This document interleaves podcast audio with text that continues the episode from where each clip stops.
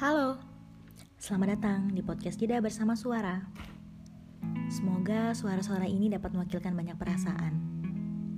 Di mana pun kalian berada, entah kamu yang sedang sibuk bekerja, sibuk dengan tugas sekolah dan kuliah, atau kamu yang sering disebut kemerbahan, selamat mendengarkan ya.